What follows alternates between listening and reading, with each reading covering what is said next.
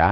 Jadi mungkin kadang-kadang perintah Allah kita apa ya kita sepelekan, kita abaikan, ada nanti belakangan saja begitu sehingga kadang-kadang dari mulai mem, me, apa namanya menunda-nunda sampai kemudian bisa jadi suatu saat kita melupakan ya tidak kita laksanakan atau bahkan kemudian biasanya itu ya kalau kita melalaikan perintah Allah Subhanahu wa taala begitu nanti kita akan masuk pada satu hal yang dilarang oleh Allah Subhanahu wa taala gitu.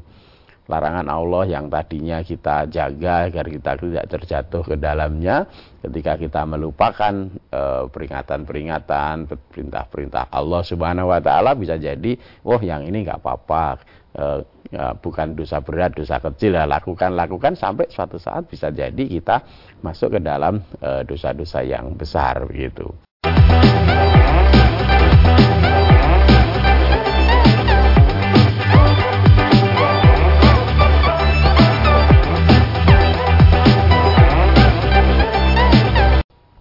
Bismillahirrahmanirrahim Assalamualaikum warahmatullahi wabarakatuh Saudara pemirsa channel terpilih MTA TV di mana pun Anda berada Puji syukur Alhamdulillah senantiasa kita panjatkan kehadirat ilahi Rabbi Allah Subhanahu Wa Taala atas kenap karunia nikmat dan juga rahmatnya untuk kita semua di perjumpaan awal aktivitas pagi hari ini. Kita jumpa kembali di program unggulan Fajar Hidayah dan Alhamdulillah sudah hadir Ustadz Dr. Insinyur Didi Joko Susilo STMT IPM yang nanti akan melanjutkan pelajaran sekaligus memberikan pencerahan untuk kita semua di kesempatan kali ini. Assalamualaikum warahmatullahi wabarakatuh Ustaz. Waalaikumsalam warahmatullahi wabarakatuh. Kabar baik dan sehat pagi ini Alhamdulillah Mas Tommy Alhamdulillah juga ya. Masih baik dan sehat Tetap semangat Ustaz. Terima kasih Dan pemirsa nanti bisa bergabung bersama kami Di line telepon 02716793000 SMS dan juga di WA kami di 08 11 255 3000 Kita simak pelajaran kita pagi ini Silahkan Ustaz Baik Bismillahirrahmanirrahim. Alhamdulillah alladzi arsala rasulahu bil huda wa dinil haq liyudhhirahu ala dini kulli walau karihal musyrikun walau karihal kafirun. Asyhadu an la ilaha illallah wahdahu la syarikalah wa asyhadu anna Muhammadan abduhu wa rasuluh. Allahumma salli wa sallim wa barik ala Muhammad wa ala alihi wa sahbihi ajmain. Amma ba' muslimin muslimat rahimakumullah pemirsa MTA TV pendengar bersada FM yang insyaallah dirahmati Allah Subhanahu wa taala. Pertama mari senantiasa kita memanjatkan rasa syukur kita kehadirat Allah Subhanahu wa taala atas curahan nikmat karunia-Nya terutama nikmat hidayah, petunjuk, keimanan ini yang Allah tetapkan dalam diri kita.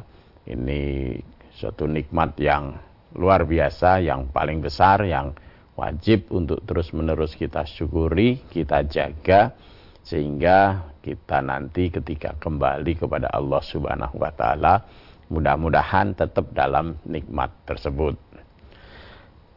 Uh, kaum muslim muslimat rahimakumullah, alhamdulillah pada pagi hari ini kita dipertemukan lagi oleh Allah Subhanahu wa taala.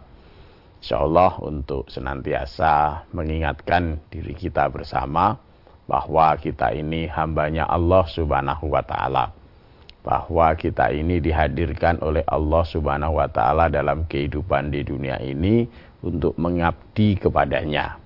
Maka terus-menerus setiap kita masih diberi kesempatan kehidupan ini, masih dihidupkan lagi oleh Allah Subhanahu wa taala, kita berupaya agar amal perbuatan kita adalah amal-amal yang menuju kepada ketaatan kepada Allah Subhanahu wa taala.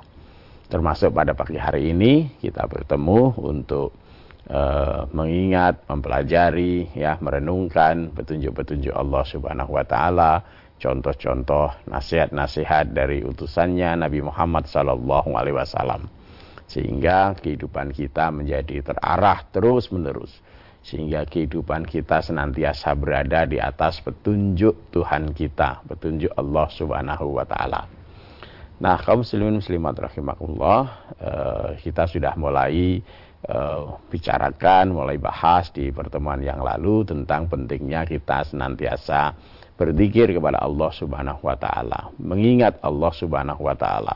karena ini menjadi uh, sarana untuk kita terus menerus ya uh, sadar terus menerus uh, ingat bahwa kita ini hambanya Allah Subhanahu wa taala yang kadang-kadang meskipun kita sudah mengaku menjadi orang yang beriman, mengaku menjadi orang Islam gitu kan, dalam perjalanan kehidupan kita begitu, kadang-kadang kita lalai, lupa begitu.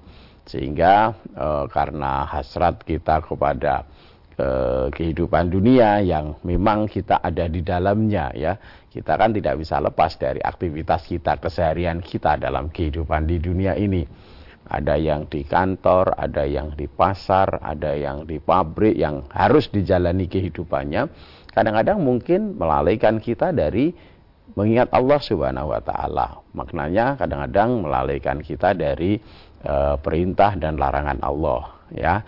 Jadi mungkin kadang-kadang perintah Allah kita apa ya, kita sepelekan, kita abaikan, ada nanti belakangan saja begitu. Sehingga kadang-kadang dari mulai mem, me, apa namanya menunda-nunda sampai kemudian bisa jadi suatu saat kita melupakan ya, tidak kita laksanakan atau bahkan kemudian biasanya itu ya kalau kita melalaikan perintah Allah Subhanahu wa taala begitu nanti kita akan masuk pada satu hal yang dilarang oleh Allah Subhanahu wa taala gitu. Larangan Allah yang tadinya kita jaga agar kita tidak terjatuh ke dalamnya ketika kita melupakan eh, peringatan-peringatan perintah-perintah Allah Subhanahu wa taala bisa jadi oh yang ini nggak apa-apa ya, bukan dosa berat dosa kecil ya lakukan lakukan sampai suatu saat bisa jadi kita masuk ke dalam eh, dosa-dosa yang besar begitu oleh karena itu penting sekali dalam kehidupan kita di setiap saat setiap tempat itu kita E, mengingat Allah Subhanahu wa taala. Baik dalam makna mengingat itu menyebut e, asma Allah Subhanahu wa taala ataupun mengingat memikirkan ini perintah-perintah Allah, ini larangan-larangan Allah yang kemudian menjadi e, panduan kita di dalam berbuat, bertindak begitu. Maka Allah Subhanahu wa taala banyak di dalam e, firman-Nya mengingatkan untuk kita jangan lalai, jangan lupa begitu ya. Eh, misalkan yang sering kita dengar ya di surat Al-Hadid ayat 16 itu Allah mengingatkan kepada kita orang-orang yang uh, beriman. A'udzubillahi minasyaitonirrajim. Alam yakni lil ladzina amanu an tahsya'a qulubuhum lidzikrillahi wa ma nazzala minal haqq. Belumkah datang waktunya, belumkah tiba waktunya bagi orang-orang yang mengaku beriman gitu untuk tunduk khusyuk mengingat Allah Subhanahu wa taala dan mengingat al-haq kebenaran yang sudah diturunkan ini Al-Qur'an ini begitu. Maka ini tentu wujud kasih sayang dari Allah Subhanahu wa taala kepada kita, hamba-hamba Allah yang mengaku beriman, hamba-hamba Allah yang pingin digolongkan oleh Allah Subhanahu wa taala sebagai orang yang beriman baik dalam kehidupan di dunia e, sampai nanti di yaumil kiamah kelak begitu.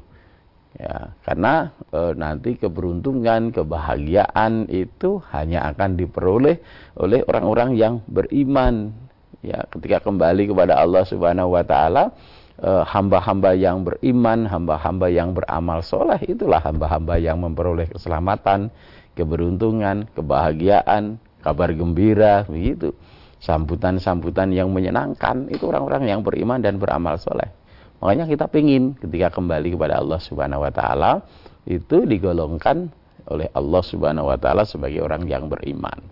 Maka orang yang beriman tentu e, tidak boleh ya melupakan ya dari mengingat Allah Subhanahu wa taala begitu. Nah, ini penting agar kehidupan kita itu senantiasa e, berada pada jalan-jalan yang diridhoi oleh Allah Subhanahu wa taala, tidak terpleset pada e, keadaan e, di mana kita malah melaksanakan hal-hal yang dilarang oleh Allah Subhanahu wa taala. Maka memang syariat-syariat agama kita banyak yang kemudian harus kita apa namanya? kita lakukan begitu. Nah, dengan segala keterbatasan kita, dengan segala mungkin ya kealfaan kita, maka hal yang tidak boleh untuk kita tinggalkan adalah senantiasa terus-menerus berzikir kepada Allah Subhanahu wa taala. Dan ini yang kemarin juga sudah sedikit saya singgung, kan tidak perlu modal apa namanya uh, harta, tenaga dan seterusnya sebetulnya begitu. Ya, uh, lisan kita senantiasa menyebut nama Allah, pikiran kita senantiasa mengingat perintah-perintah Allah, mengingat larangan-larangan uh, Allah Subhanahu wa taala. Ini kan uh, kalau kita uh, mampu menghadirkan mampu merasakan itu sebagaimana kemarin kita sudah sampaikan juga bahwa nanti Allah akan semakin dekat dengan kita kan seperti itu. Ya sebagaimana hadis kudsi yang kemarin saya sampaikan anak indat doni abdi bi begitu. Aku ini mengikuti persangkaan hambaku kepadaku begitu. Kalau kita senantiasa menyebut senantiasa mengingat ya tentu kan kemudian kita rasa dekat dengan Allah Subhanahu wa taala. Maka ini harus kita uh, hadirkan uh, karena pentingnya kita mengingat Allah Subhanahu wa taala, pentingnya kita berzikir sehingga kehidupan kita nanti akan terjaga dari perbuatan-perbuatan yang eh, dilarang oleh Allah Subhanahu wa taala begitu. Dalam sebuah hadis yang diriwayatkan oleh uh, Imam Tirmidzi, ada seorang sahabat yang bertanya kepada Rasulullah sallallahu alaihi wasallam ya.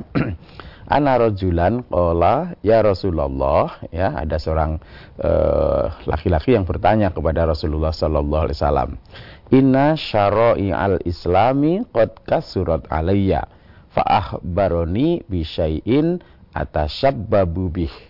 Qala la yazalu lisanuka radbam min dzikrillah gitu jadi ada seorang laki-laki datang kepada Rasulullah Sallallahu Alaihi Wasallam, kemudian bertanya kepada beliau, wahai Rasulullah, sesungguhnya syariat-syariat agama Islam ini sangat banyak untuk saya, gitu ya.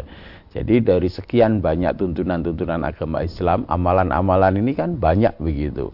Ada puasa, ada sholat, ada macam-macam banyak begitu amal kebaikannya begitu.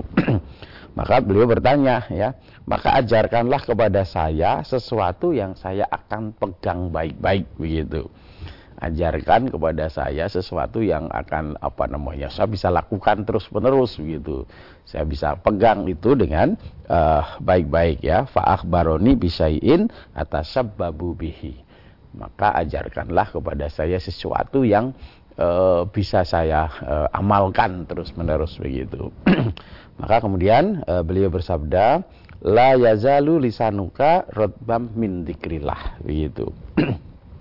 Maka beliau bersabda, hendaklah lisanmu, lidahmu selalu basah dari zikir kepada Allah Subhanahu wa taala. Jadi, hendaklah lisanmu, lisan kita ini senantiasa basah dengan zikir kepada Allah Subhanahu wa taala, menyebut asma Allah Subhanahu wa taala, mengingat Allah Subhanahu wa taala.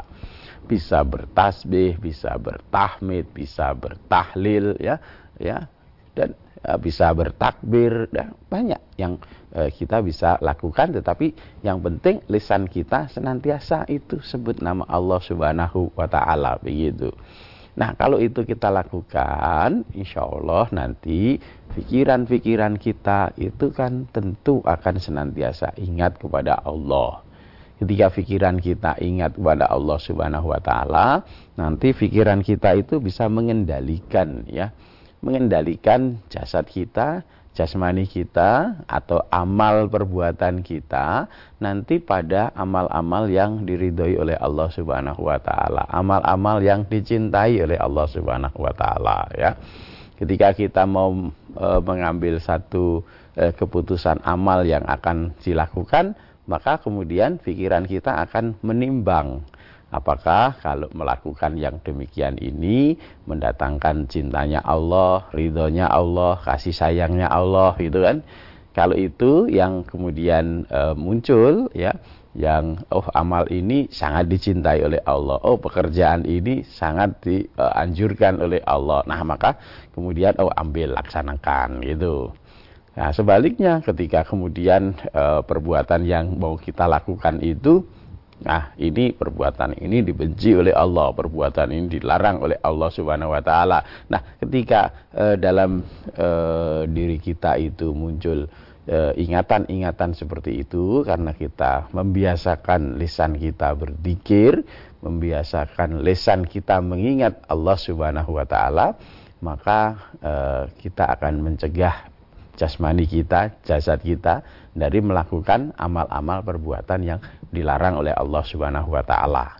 Jadi ketika uh, lisan, lisan kita atau lidah kita senantiasa basah dengan zikir kepada Allah Subhanahu wa taala, kemudian pikiran juga senantiasa mengingat itu kan, mengingat mengingat mengingat terus begitu ya Allah Subhanahu wa taala Eh, mengingat petunjuk-petunjuk Allah, perintah-perintah Allah, larangan-larangan Allah Subhanahu wa taala, maka nanti kemudian bisa menjaga jasmani kita dari melakukan perbuatan-perbuatan yang dilarang oleh Allah Subhanahu wa taala. Dan ini kan berjalan terus dalam kehidupan kita. Di setiap saat perjalanan kehidupan kita itu kita dihadapkan pada satu amal, satu perbuatan yang kadang-kadang amal itu membawa kepada kecintaan keridhaan Allah tapi kadang-kadang di hadapan kita amal yang diberikan yang mau kita pilih itu amal-amal yang e, membawa kepada kemurkaan Allah Subhanahu wa taala begitu. Nah, supaya kita bisa mengarahkan jasmani kita, diri kita pada amal-amal yang mendatangkan kecintaan keridhaan Allah Subhanahu wa taala, maka tadi Nabi wasallam menasihatkan uh, kepada sahabat yang bertanya tadi ya uh, agar lesannya lidahnya senantiasa dibasahi dengan zikir kepada Allah, ingat kepada Allah. Dan itu terus-menerus mari kita lakukan baik dalam keadaan kita bersama-sama dengan saudara-saudara kita kaum muslimin yang lain ya misalkan dalam majelis-majelis ilmu di dalam kebersamaan di dalam kajian-kajian maka tentu kajian-kajiannya diajaklah untuk senantiasa berada dalam suasana keadaan dalam ide-ide gagasan-gagasan pikiran-pikiran yang uh, mendatangkan cintanya Allah. Ya artinya di dalam kebersamaan itu kumpulan-kumpulan kita itu ya marilah diajak e, pada satu aktivitas-aktivitas kegiatan-kegiatan yang e, diridhoi oleh Allah Subhanahu wa taala gitu. Jangan kita ya kemudian berada pada satu kebersamaan satu kumpulan yang e, apa aktivitasnya kegiatannya idenya gagasannya adalah hal-hal yang dilarang oleh Allah Subhanahu wa taala.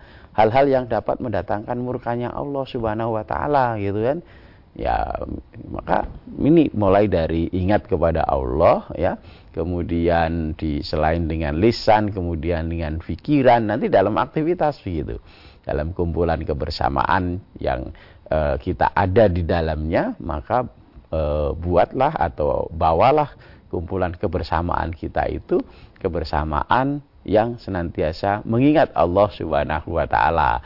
Jadi kalau mau melakukan satu apa namanya e, kegiatan yang dimulai dari ide gagasan. Mulai dari sana ide gagasannya adalah ide-ide gagasan-gagasan yang membawa kita ini semakin cinta kepada Allah. Membawa kita ini semakin dicintai oleh Allah Subhanahu wa taala gitu.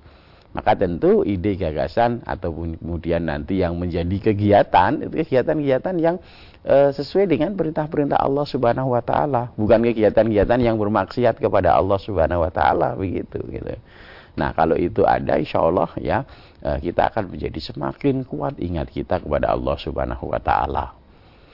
Ya, baik dalam kebersamaan itu apalagi dalam kesendirian kita gitu. Kita dalam Eh, kesendiriannya senantiasa terus menerus ingat kepada Allah Subhanahu wa taala ya sehingga apa pun eh, permasalahan uh, kehidupan yang kita hadapi ya yang tadi saya katakan di depan kita itu mesti ada pilihan-pilihan yang harus kita ambil ya dari uh, kehidupan kita di dunia masalah-masalah dalam kehidupan di dunia.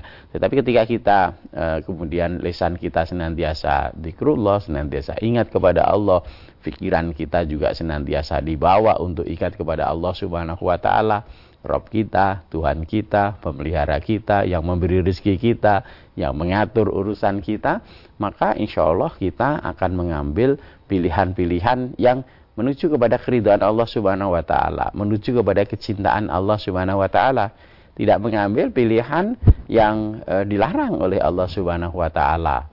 Ya. Misal saking e, beratnya masalah mungkin yang kita hadapi kemudian kita mengambil jalan pintas ya. Misalkan e, kemudian mengakhiri hidupnya dan seterusnya begitu. Atau lari kepada hal-hal e, yang dilarang oleh Allah Subhanahu wa taala. Misalkan untuk menghindarkan dari masalah kemudian lari kepada e, homer kepada obat-obatan terlarang dan seterusnya. Tidak begitu itu kita ketika dikir kita ingat kita kepada Allah itu kuat baik di lisan dalam uh, maupun dalam pikiran kita kita akan senantiasa terkendalikan nanti uh, amal perbuatan yang kita ambil kita pilih gitu.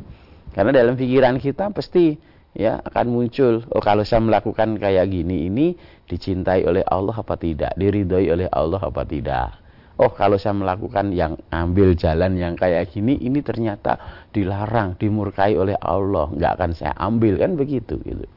Nah maka penting sekali untuk membiasakan lisan kita ini e, berzikir kepada Allah subhanahu wa ta'ala. Pikiran kita juga nanti akan terbawa untuk kita senantiasa ingat kepada Allah subhanahu wa ta'ala. Ingat pada perintah Allah ingat pada larangan Allah subhanahu wa ta'ala begitu Nah, kalau itu senantiasa terus-menerus kita lakukan, insya Allah kita akan menjadi hamba yang dicintai oleh Allah Subhanahu wa Ta'ala gitu. Bahkan ya kalau kita bisa senantiasa mengingat Allah dalam diri kita, baik dalam satu e, kebersamaan ataupun pada saat ketika kita sendiri, maka insya Allah kita akan menjadi hamba yang dicintai oleh Allah. Bahkan uh, insya Allah dalam satu riwayat pun juga ketika uh, Rasulullah Shallallahu Alaihi Wasallam mengabarkan begitu ya bahwa ada uh, tujuh golongan yang dilindungi oleh Allah dalam naungannya ya pada hari di mana tidak ada uh, naungan selain naungannya Allah Subhanahu wa taala salah satunya adalah rojulun dakarullah kholian seorang laki-laki yang senantiasa ingat kepada Allah Subhanahu wa taala dalam kesendiriannya gitu kan. Jadi dalam kesendiriannya ingat kepada Allah fafadhat ainahu. Maka kemudian air matanya uh, mengalir menetes karena ingatnya kepada Allah Subhanahu wa taala. Karena rasa khaufnya kepada Allah Subhanahu wa taala. Karena rasa pengharapannya akan cintanya Allah akan pertolongannya Allah Subhanahu wa taala. Maka sekali lagi penting untuk kita membiasakan berzikir kepada Allah Subhanahu wa taala. Rasulullah Shallallahu Alaihi Wasallam menuntunkan kepada kita di setiap saat, setiap kesempatan kehidupan kita itu ada di sana zikirnya, ada di sana doanya, gitu ya. Mulai kita bangun tidur, mulai kita kemudian nanti akan beraktivitas berangkat kerja ke kantor, ke pasar, ke pabrik dan seterusnya di sana itu ada dalam perjalanan kita ada zikirnya. Maka kalau kita mau kemudian membiasakan, insya Allah kita akan senantiasa nanti menjadi hamba yang ingat kepada Allah Subhanahu wa Ta'ala. Demikian, mudah-mudahan bermanfaat untuk kita bersama. Ya. Baik pemirsa, kami harapkan Anda bisa bergabung bersama kami di line telepon 02716793000. SMS dan juga di WA kami di 08112553000. Namun sebelumnya kita akan simak beberapa informasi dalam rangkaian jeda pariwara berikut ini. Baik, saudara pemirsa channel terpilih MTA TV di mana pun Anda berada, terima kasih Anda masih setia bersama kami, khususnya di program unggulan Fajar Hidayah pagi ini. Baik Ustadz, kita bacakan yang ada di SMS dan yang sudah masuk. Yang pertama dari Bapak Edi di Sukoharjo. Ustadz, pada waktu acara mantu, hmm. saya diberi tugas dari Bapak Kadus untuk mencari daun beringin, daun andong janur, dan daun-daun tersebut itu digunakan untuk menghias kerun pintu masuk para tamu undangan. Apakah perbuatan saya mencari daun-daun tersebut termasuk tolong menolong dalam perbuatan dosa, Ustaz? Ya, oh, jadi ya tergantung niatnya apa begitu kan ya. E, tergantung e, apakah tadi daun-daun tadi apa ada beringin, ada janur, ada andong dan seterusnya itu ada itikotnya apa tidak begitu ya.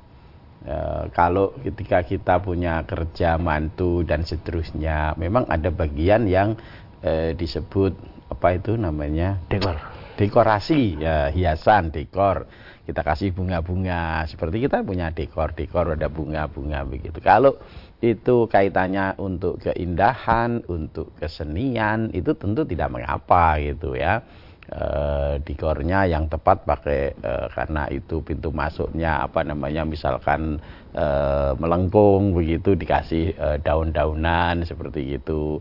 Kemudian dikasih janur itu kan melengkung pertanda apa namanya ada mantu atau pernikahan seperti itu. Kalau e, dibawa ke sana ya tidak mengapa artinya apa yang dilakukan itu bagian dari kesenian, bagian keindahan yang hukumnya mubah-mubah saja. Tetapi kalau misalkan daun-daun tertentu tadi itu menjadi bagian dari itikot keyakinan-keyakinan kalau tidak diberi daun ini. Kemudian nanti uh, acaranya, pernikahannya, mantunya tidak selamat dan seterusnya. Seperti itu karena ada keyakinan-keyakinan atau itikot-itikot keselamatan selain dari Allah Subhanahu wa taala gitu ya jadi kalau tidak ada daun janurnya nanti oh ini ya, bisa jadi uh, musibah, bisa jadi bencana atau mantennya nanti mengalami ini itu dan seterusnya, maka tentu tidak benar. Kalau yang seperti itu ya tidak usah, jangan uh, apa namanya uh, ikut membantu yang seperti itu. Tapi kalau bagian dari tadi ya keindahan, kesenian, dekorasi seperti itu ya tentu tidak mengapa. Demikian Bapak yang bertanya tadi. Kita beralih di line telepon, kami persilahkan di 6793000. Halo, Assalamualaikum. Persilahkan di 6793000. Halo, Assalamualaikum. Waalaikumsalam warahmatullahi wabarakatuh. Ya, silakan. Dengan Abu Zuada ya? Dengan Abu Zuada di Pontianak. Silakan. Assalamualaikum warahmatullahi wabarakatuh, Ustaz. Waalaikumsalam warahmatullahi wabarakatuh. Pak Ustaz dan presenternya sehat Pak Ustaz ya? Yuk. Alhamdulillah sehat. Abu Suada mudah-mudahan sehat juga ya. Amin ya rabbal alamin. Semoga doa Ustaz ijabah oleh Allah Subhanahu wa taala. Amin. Ini Ustaz, sesuai dengan tema yang kan seperti ini. Memang dianjurkan untuk kita membuat, mengajak ataupun merangkul kawan untuk berbuat di jalan-jalan yang diridhoi oleh Allah Subhanahu wa taala. Cuma ini ini bukan hayalan, bukan rekayasa. Saya mengalami, mohon tausiahnya. Saya tinggal di sebuah komplek yang kompleknya ini aman, tidak ada kejahatan, tidak ada kemaksiatan, ya tidak ada lah arogan atau mabuk segala macam apalagi narkoba dan judi jauh sekali. Mereka sibuk dengan dengan mencari nafkah urusan dunia luar biasa. Hmm. Dan mereka juga sering kumpul-kumpul. Sini orang-orang tuanya seperti saya udah lima, 56 tahun ini juga kumpul-kumpul. Biasanya sampai malam mereka kumpul. Namun setelah saya coba menjajaki, saya jalan setiap perkumpulan itu, itu mereka membicarakan hal dunia aja terus, hal dunia. Saya coba untuk masuki dengan membicarakan hal akhirat, mereka seperti istri sama saya, walaupun tidak mahal, tapi hmm. bicaraan kita tidak begitu ditanggapi. Saya berkali-kali saya coba seperti itu, kita diterima di kalangan mereka. Tapi kalau kita berbicara menyinggung sedikit tentang Quran, tentang sunnah, agaknya sepertinya ekstrem gitu, seperti tidak mau peduli walaupun tidak tidak nyuruh pergi. Jadi hmm. tempat saya untuk curhat itu apa berdiskusi tentang keagama, keagamaan di kompleks Amar Umid dan saya ingin setiap hari berdiskusi tentang keagamaan dengan sesama warga MTA ya. Kebetulan dari tempat saya cuma rumah-rumah warga cukup lumayan jauh gitu. Hmm. sedangkan saya sebagaimana diketahui saya adalah seorang tunanetra yang tidak bisa ke mana-mana kalau tidak dibawa kawan yang lain. Ya, tiap malam-malam saya itu habis isya ataupun maghrib itu ingin berbicara agama dengan kawan-kawan yang MTA itu cukup jauh lah sekian belasan kilo juga itu. Tapi di situ laki-lakinya, bapak ibunya, bapak bapaknya lah ya, ibunya enggak lah, tidak tahu. Sering mengadakan perkumpulan mereka membicarakan soal dunia. Hmm, hmm. Jadi, ya, jadi mana memang kemaksiatan tidak itu soal pekerjaan, aktivitas sehari-hari, dunia, uang, keuangan itu yang mereka sangat pandai membicarakannya. Dan memang mereka banyak sukses sih soal dunia. Jadi yang saya tanyakan mau tahu saya bagaimana sikap saya apakah saya itu cukup di rumah aja hmm. Atau mendatangi mereka atau hanya lewat kebetulan lewat menyapa aja itu ah, menyapa aja atau bagaimana Pak sikap saya ini hmm. apakah saya memutuskan pergaulan dengan mereka cukup di rumah aja dengan tujuan bukan membenci tapi ingin menghindari hal-hal yang tidak diinginkan. Ya. Apa yang mana yang terbaik menurut tausiah Pak Ustaz? Baik. Mohon tausiahnya Pak Ustaz, karena pergaulan juga penting, namun begitu kita masuk ke ranah itu, kita tidak disambut dengan baik bila kita coba-coba menyinggung soal Quran dan Sunnah Ustaz. Mm -hmm. Jadi mohon tausiahnya. Ya. Atas tausiahnya terima kasih. Assalamualaikum warahmatullahi wabarakatuh. Waalaikumsalam warahmatullahi wabarakatuh. Ya. Baik Pak Abu Suada. Jadi memang dalam kehidupan kita sekarang ini yang nampak besar itu kan ya ya dunia kita ini begitu ya. Makanya Allah Subhanahu wa taala, Rasulullah sallallahu alaihi wasallam itu eh, di, eh, apa namanya dalam banyak kesempatan itu sering eh, apa namanya mengingatkan kepada kita ini itu kan. uh, dalam firman Allah Subhanahu wa taala juga di surat Asy-Syura ayat uh, eh, 20 itu Allah juga sudah gambarkan memang dalam kehidupan ini ada sebagian manusia ya uh, yuridu harsat dunya. Itu menginginkan dalam hidup ini orientasi hidupnya cita-cita hidupnya itu kesenangan kebahagiaan di dunia ini saja gitu. Dan itu oleh Allah nuktihi minha akan diberi oleh Allah Subhanahu wa taala tetapi di bagian akhirat mereka tidak memperoleh begitu ya. Wa malahu fil akhirati min nasib. Dan mereka di akhirat nanti tidak memperoleh bagian gitu. E, dan memang dalam panca indera sebagian besar manusia yang terlihat adalah kesenangan kehidupan di dunia. Sehingga kemudian orang mengukur suksesnya keberhasilannya dari atribut dunia yang ada padanya begitu Nah, atribut dunia itu kan ya kekayaannya, ya mana yang banyak kekayaannya itu yang dianggap sukses. Rumahnya yang besar itu yang dianggap yang sukses, pangkatnya yang tinggi itu yang dianggap sukses itu kekuasaannya yang besar itu dianggap yang sukses kan seperti itu ketika cita-cita kehidupan kita itu hanya kesenangan kebahagiaan hidup di dunia begitu. Tetapi Allah ajarkan kepada kita bahwa kesenangan yang hakiki itu di akhirat gitu kan. Jadi apa yang ada di dunia ini nanti akan musnah. Wa ma indakum yanfadu wa ma indallahi bak. Jadi apa yang ada di sisimu ya dunia ini nanti akan binasa gitu kan. Yang kekal adalah apa yang ada di sisi Allah. Akhirat itu yang oleh Allah diberikan kemuliaan kepada orang-orang yang bertakwa, orang-orang yang mengharapkan kesenangan kebahagiaan negeri akhirat begitu. Nah, takwa ini ya tentu uh, adalah keimanan dan amal soleh yang harus ada pada kita begitu. Maka jangan heran Bapak ketika ada orang yang kemudian eh, dalam kehidupannya senantiasa tadi yang dibicarakan adalah masalah dunia, mobilmu kayak apa, mobilmu sudah ganti atau belum, seperti itu, gitu kan. Rumahmu gimana, sudah kamu bangun atau belum dan seterusnya seperti itu terus begitu. Nah, tentu kita jangan terbawa kepada keadaan yang demikian. Kalau misalkan dalam komunitas tempat tinggal Bapak eh, tadi yang ketemu kumpulan, ketemu e, majelis yang isinya bicarakan itu terus ya ditinggalkan saja begitu. Ya, e, kalau misalkan e, Bapak lewat ketemu ya sampaikan salam ya. E, kemudian e, sapa gitu, kemudian ya tidak usah ikut kemudian e, dalam perkumpulan itu begitu, ditinggalkan e, cukup e, sudah cukup ya berlalu gitu kan Nah, kalau misalkan ada yang mau diajak diskusi, diajak ngobrol-ngobrol tentang din ini ya tidak apa-apa, boleh begitu. Tapi seperti Bapak sampaikan, kalau diajak bicarakan Quran, sunnah, sejak ngaji, nggak mau ya ditinggalkan saja begitu. Karena masing-masing nanti akan memperoleh apa yang dia e, cita-citakan begitu. Dan kita sudah melihat bahwa ketika orang cita-citanya itu kesenangan kehidupan dunia, tidak akan membahagiakannya gitu pada endingnya tidak akan membahagiakan. Kita lihat orang yang misalkan ya mengukur kesuksesannya dari kekuasaannya, jabatannya, ya kalau jabatannya sudah sampai kepada misalkan pangkat tinggi ya, misalkan kita itu pangkat tinggi jenderal itu sudah jenderal itu, apakah dia bahagia? Belum tentu begitu. Atau bahkan lebih dari itu misalkan raja misalkan Contoh misalkan yang diriwayatkan di dalam Quran disebutkan dalam Quran Fir'aun. Fir'aun itu raja yang dia punya kekuasaan yang sangat besar. Apakah kemudian akhir hidupnya bahagia? Kan tidak begitu. Dia tidak bahagia dan dia tidak mulia meskipun raja tapi tidak mulia. Dia dihinakan oleh Allah Subhanahu wa taala karena dia tidak beriman, dia tidak bertakwa, ya, tidak beramal soleh maka dihinakan, ya nggak ada orang yang kemudian apa namanya mau ya e, seperti Fir'aun kan seperti itu kan.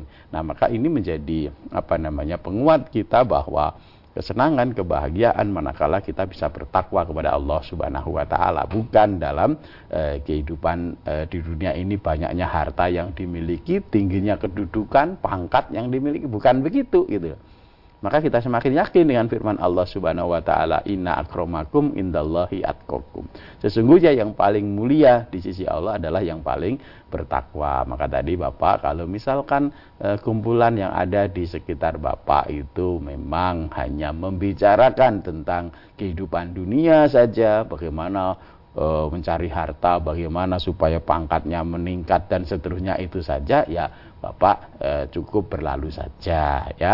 E, kalau ketemu ya sampaikan salam, sapa, kemudian berlalu. Kalau Bapak bisa dengan keluarga Bapak untuk tadi ya saling ingat mengingatkan bahwa kita ini hambanya Allah, bahwa kita ini akan kembali kepada Allah, bahwa ketika kembali kepada Allah nanti yang bermanfaat bagi kita adalah amal soleh kita. Ayo kita beramal. Nah seperti itu insya Allah jauh lebih baik. Demikian Pak Abu Syuhada. Ya baik. Kita lanjutkan yang ada di SMS dan di kembali Ustaz. Dari Bapak Darsono di Bengkulu Utara. Mohon pencerahannya Ustaz tentang keberadaan jembatan Sirot. Apakah sudah ada di dunia ini seperti sulitnya kehidupan di dunia ini ataukah nanti di alam akhirat Ustaz? Oh, iya. jembatan sirat ya nanti di yaumil kiamah di akhirat ya. Eh, itu. Kalau di dunia ini tadi misalkan sulitnya masalah-masalah dalam kehidupan kita itu bagian dari ujian keimanan gitu. Allah sudah tetapkan pada diri hamba ini manusia ini ya eh, apa namanya di surat Al-Anbiya ayat 35 itu eh, kullu nafsin dha'iqatul maut bahwa ketika kita dihidupkan di dunia ini sudah yakinlah bahwa kita pasti akan mati gitu kan. Karena setiap yang bernyawa pasti akan mati begitu. Itu sudah satu satu paket lah ya. E, dan Allah sudah kabarkan kepada kita bahwa Allah itu e, menghidupkan kita dua kali dan mematikan dua kali gitu kan? Mati pertama ketika kita belum ada di dunia ini hidup pertama ketika kita ada di dunia ini dan sumayumitukum setelah kita dihidupkan di dunia ini yang sekarang ini kita hidup saya Mas Tommy termasuk Bapak yang bertanya tadi nanti satu saat akan dimatikan. Itu sudah satu kepastian. Wa nablukum wal khairi fitnah dan proses menuju kita mati kembali nanti dimatikan oleh Allah Subhanahu wa taala akan mengalami ujian. Wa nablukum bisyari wal khairi fitnah. Allah akan uji dengan asar keburukan wal khair dan kebaikan sebagai ujian. Untuk melihat apakah kita benar-benar imannya kepada Allah benar itu kan? Ya ketika kita yakin bahwa Allah itu Rob kita Tuhan kita ilah kita sesembahan kita kemudian diberilah kita dengan ujian-ujian kebaikan dan keburukan. Maknanya kebaikan itu sesuatu yang menyenangkan kita gitu kan.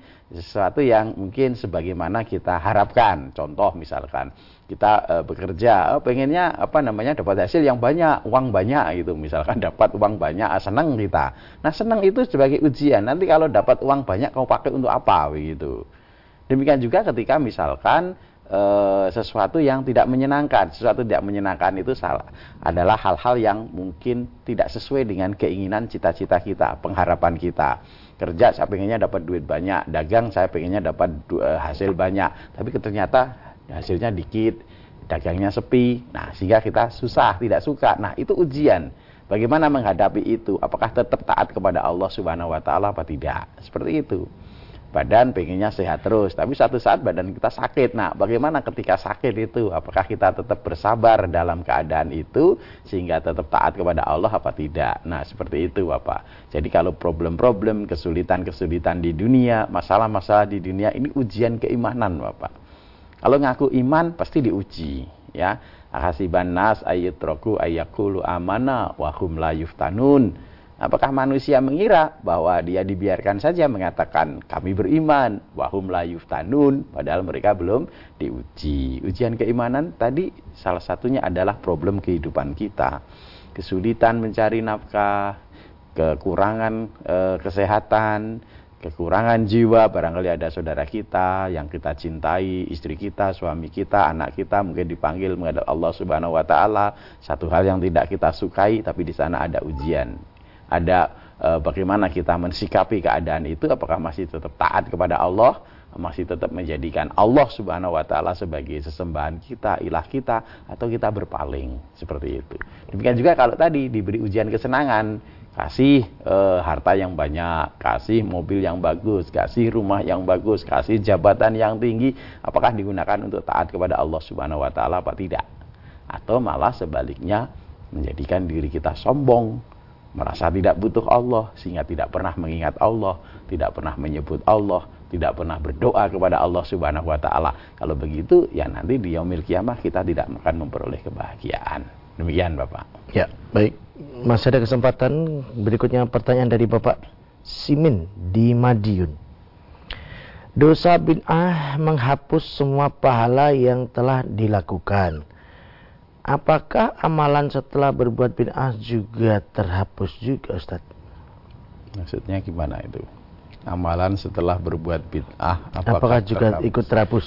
Ya, jadi bid'ah satu hal yang eh, apa namanya dibenci dalam uh, agama kita tentu yang terkait dengan pemahaman bid'ah yang betul ya Nabi Shallallahu Alaihi Wasallam dalam banyak hal itu senantiasa mengingatkan gitu ya. Lo ini kaitannya bid'ah itu kan lawannya sunnah gitu kan ya. Artinya kalau sunnah itu eh, pekerjaan-pekerjaan amal-amal ibadah yang dicontohkan oleh Rasulullah Shallallahu Alaihi Wasallam gitu. ah di dalam perkara ini biasanya kita e, membaca petunjuk Allah Subhanahu wa taala misalkan dalam sebuah hadis e, riwayat Nasai gitu ya. disebutkan di sana inna asdaqal hadis kitabullah. Kitabullah. Wa ahsanal hadyi hadyu Muhammad sallallahu alaihi wasallam. Wa syarul umur muhdasatuha wa kullu muhdasatin bid'atun wa kullu bid'atin dolalatun wa kullu dolalatin finnar. Itu. Beliau sampaikan seperti ini uh, inna asdaqal hadis kitabullah. Sesungguhnya sebaik sebenar-benar ya perkataan yang paling benar itu adalah kitabullah. Firman Allah Subhanahu wa taala. Al-Qur'an ini yang kita yakini la raibafi, tidak ada keraguan di dalamnya gitu. Semua yang Allah sebutkan dalam Quran itu betul. Hak ya, benar-benar firman dari Allah termasuk isinya apa yang diungkapkan di sana betul dan ini sudah teruji ya 1500-an tahun lebih ya apa yang disebut dalam Quran fenomena-fenomena alam dalam Quran dan seterusnya semuanya uh, betul sesuai dengan sain gitu ya. Wa ahsanal hadi dan sebaik-baik petunjuk hadyu Muhammadin sallallahu alaihi wasallam. Sebaik-baik petunjuk adalah petunjuknya Nabi Muhammad sallallahu alaihi wasallam petunjuk dalam kehidupan, petunjuk dalam kita menghambakan diri kepada Allah, bagaimana kita beribadah kepada Allah Subhanahu wa taala, bagaimana cara kita sholat, bagaimana cara kita puasa, bagaimana cara kita haji, bagaimana cara kita berdoa? Mendekatkan diri kepada Allah, itu sebaik-baik petunjuk adalah petunjuknya yang disampaikan, yang dicontohkan oleh Nabi Muhammad sallallahu alaihi wasallam, ya. Wasyarul umur muhdasatuha dan sejelek-jelek urusan adalah yang diada-adakan. Nah, ini jadi ketika Rasulullah Sallallahu Alaihi Wasallam sudah mengajarkan cara kita sholat, kemudian kita mengadakan cara sendiri untuk sholat, gitu. Ketika Rasulullah Sallallahu Alaihi Wasallam sudah mengajarkan kita cara berdoa kepada Allah, kita milih cara lain, mengadakan cara sendiri, membuat cara sendiri, ya. Nah, maka kemudian ini adalah sejelek-jelek uh, urusan yang diada-adakan. Wa kullu muhdasatin bid'atun dan yang diada-adakan ini itulah yang disebut dengan bid'ah, gitu kan perkara-perkara agama yang diada-adakan sendiri, yang kita sendiri membuat tata caranya gitu loh. Kalau Rasulullah ajarkan kalau puasa tahan dari e, makan, minum, berkumpul suami istri mulai dari fajar terbit fajar sampai maghrib. Wah, kita nggak cukup ini. Saya sampai ngisa kuat, maka saya puasanya sampai ngisa. Nah, itu kita mengada-adakan cara sendiri. Ketika Rasulullah Shallallahu Alaihi Wasallam mengajarkan cara kita sholat, dimulai dengan takbiratul ikhram, ya diakhiri dengan salam, dengan tata cara rukun tertentu. Kemudian kita tidak suka dengan itu, kita buat cara sendiri, kan seperti itu. Nah, maka ini tentu sesuatu yang diadakan ini tidak baik begitu. Yang mungkin dalam pikiran kita kalau lebih banyak itu lebih bagus. Oh, belum tentu ya. E, karena dalam satu riwayat ada ketika ada tiga orang sahabat bertanya kepada istri beliau e, bagaimana ibadah rohnya Nabi Shallallahu Alaihi Wasallam. Nah, ketika ditanyakan begini begini maka kemudian e, mereka, waduh Rasulullah Shallallahu Alaihi Wasallam yang sudah diampuni dosanya saja ibadahnya kuat seperti itu. E, bagaimana dengan kita? Maka ada yang berazam, saya akan sholat malam tidak tidur gitu. Artinya kan mungkin lebih berat, lebih bagus ini mungkin. Maka kemudian yang satu saya akan puasa terus menerus loh ini kan puasa terus ini bagus ini. Yang satu saya akan ibadah terus tidak menikah gitu. Nah kayaknya kan lebih banyak lebih bagus tetapi ketika ini sampai kepada Rasulullah Sallallahu Alaihi Wasallam ditegur ini tidak boleh tidak betul ini gitu kan. Saya itu sholat malam saya juga tidur. Saya itu juga puasa saya juga berbuka saya juga menikah. Faman rohiba an sunati falaisa mini. Bahkan diancam beliau seperti itu. Barang siapa yang benci terhadap sunnahku, tidak mau mengikuti sunnahku, maka falaisa mini, bukan dari golonganku, begitu. Maka ketika mengada-adakan satu perkara dalam ibadah mahdoh, maka dibenci, yaitu yang namanya uh, bid'ah. Ya, kemudian beliau lanjutkan sabdanya, wa kullu bid'atin dolalah. Setiap bid'ah itu sesat itu. Ya, wa kullu dolalatin finnar kalau sesat itu di neraka begitu. Maka dalam kita beribadah, ibadah mahdoh ya, tidak pengertian e, ibadah dalam perkara yang umum itu kan. Sekarang kadang-kadang kita membawa e, bid'ah ini pada perkara yang umum. Perkara pakai handphone, perkara pakai laptop, perkara pakai mobil itu tentu bukan bid'ah yang dimaksud oleh Rasulullah Sallallahu Alaihi Wasallam gitu. Yang dimaksud oleh beliau Sallallahu Alaihi Wasallam tentu adalah perkara-perkara ibadah ini begitu ya Makanya dalam hadis lain Nabi mengingatkan man amila amalan laisa alaihi amruna fahuwa raddun gitu. Barang siapa yang beramal yang tidak ada contoh, tidak ada perintah kami atasnya maka tertolak gitu. Maka tentu tidak kita maknakan dalam aktivitas keduniaan ini naik kuda, naik unta, naik mobil, naik pesawat dan seterusnya itu tentu bukan yang dimaksud oleh Nabi Shallallahu Alaihi Wasallam. Yang dimaksud tentu dalam kita mendekatkan diri kepada Allah dalam kaitannya ibadah mahdoh. Tadi sudah saya kasih contoh dalam kita sholat, dalam kita puasa, dalam kita haji. Tentu kita kewajiban kita adalah itiba ya kepada Rasulullah Sallallahu Alaihi Wasallam. Maka para ulama eh, menyampaikan panduan begini al aslu fil ibadah al itiba gitu kan. Jadi pokok di dalam ibadah itu adalah itiba itu mengikut Rasulullah Shallallahu Alaihi Wasallam. Maka dalam hadis lain juga Rasulullah Sallallahu Alaihi Wasallam yang diriwayatkan dari istri beliau an Aisyah kolat kola Rasulullah Sallallahu Alaihi Wasallam man ahdasa fi amrina gitu kan? Barang siapa mengada-adakan dalam perintah kami ini fi amrina hada gitu kan? Jadi dalam eh, dalam urusan din dalam ibadah mahdoh ini ya malaisa minhu yang tidak ada eh, daripadanya tidak ada contoh dari Nabi Shallallahu Alaihi Wasallam tidak ada perintah dari Nabi Shallallahu Alaihi Wasallam fahuwa rodun maka tertolak ya maka demikian ya, jadi ketika kita e, beribadah, mendekatkan diri kepada Allah dalam kaitannya dengan ibadah mahdoh yang sifatnya tauqifi sudah ditetapkan oleh Allah dan Rasulnya, maka kewajiban kita adalah itiba, mengikuti contoh dari Rasulullah Sallallahu Alaihi Wasallam. Maka dalam bentuk kehati-hatiannya kita sesuai dengan firman Allah Subhanahu Wa Taala, wala takfu ma bihi ilmun. Kamu jangan mengetahui melakukan, mengamalkan sesuatu yang kamu tidak punya ilmunya, tidak punya pengetahuan tentangnya. Maka kaitannya dengan ibadah, jangan lakukan dulu sebelum kita mengetahui dasar hukumnya. Contohnya dari Rasulullah Shallallahu Alaihi Wasallam.